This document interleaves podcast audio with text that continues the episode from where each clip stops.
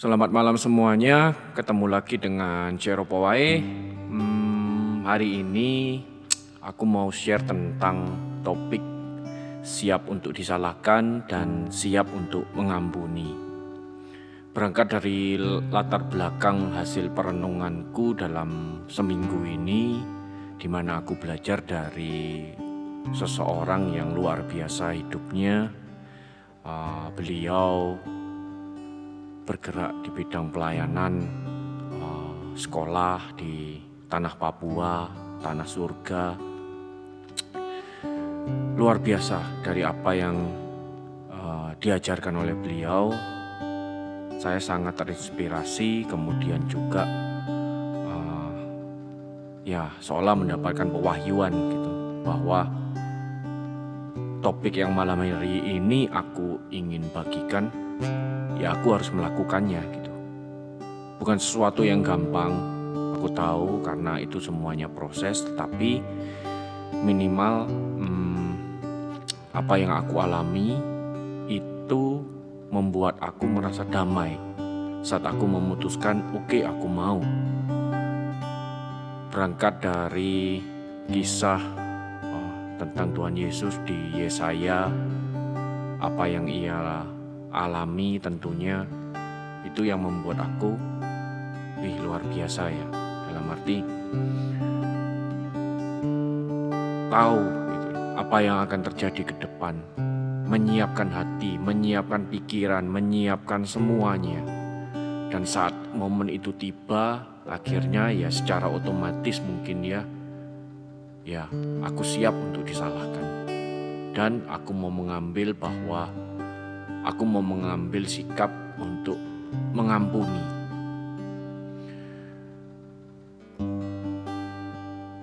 Secara umum mungkin kita manusia kalau disalahkan cenderung defend. Aku tidak mau disalahkan karena aku merasa benar. Karena aku merasa benar maka dari itu aku harus mempertahankan uh, argumenku atau apa pun yang kita percayai tentunya. Tetapi uh, yang aku pelajari di sini adalah uh, andai kata ke depan oleh siapa pun kita disalahkan meskipun secara hati kecil kita uh, aku ini nggak salah. Kok aku harus disalahkan ya? Sudah ada contoh sudah ada teladan bahwa kita bisa defend kita bisa mempertahankan uh, argumen kita, tetapi karena memilih untuk ya sudah tidak apa-apa supaya damai dalam arti damai itu apa ya bahasaku itu ben gak ono musuhe ya. Tetapi kita menerima, kita legowo. Nah, legowonya adalah ya kita mengampuni.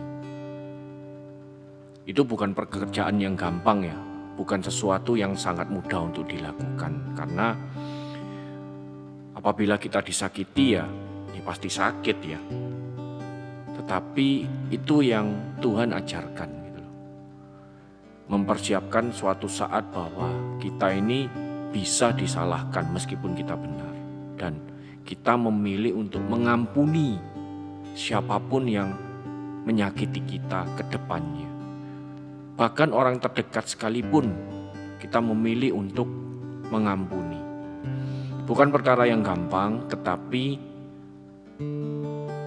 kasih karunia, anugerah Tuhan itu jauh dari pemikiran, jauh dari apa yang bisa kita bayangkan, dan itu sudah Tuhan sediakan.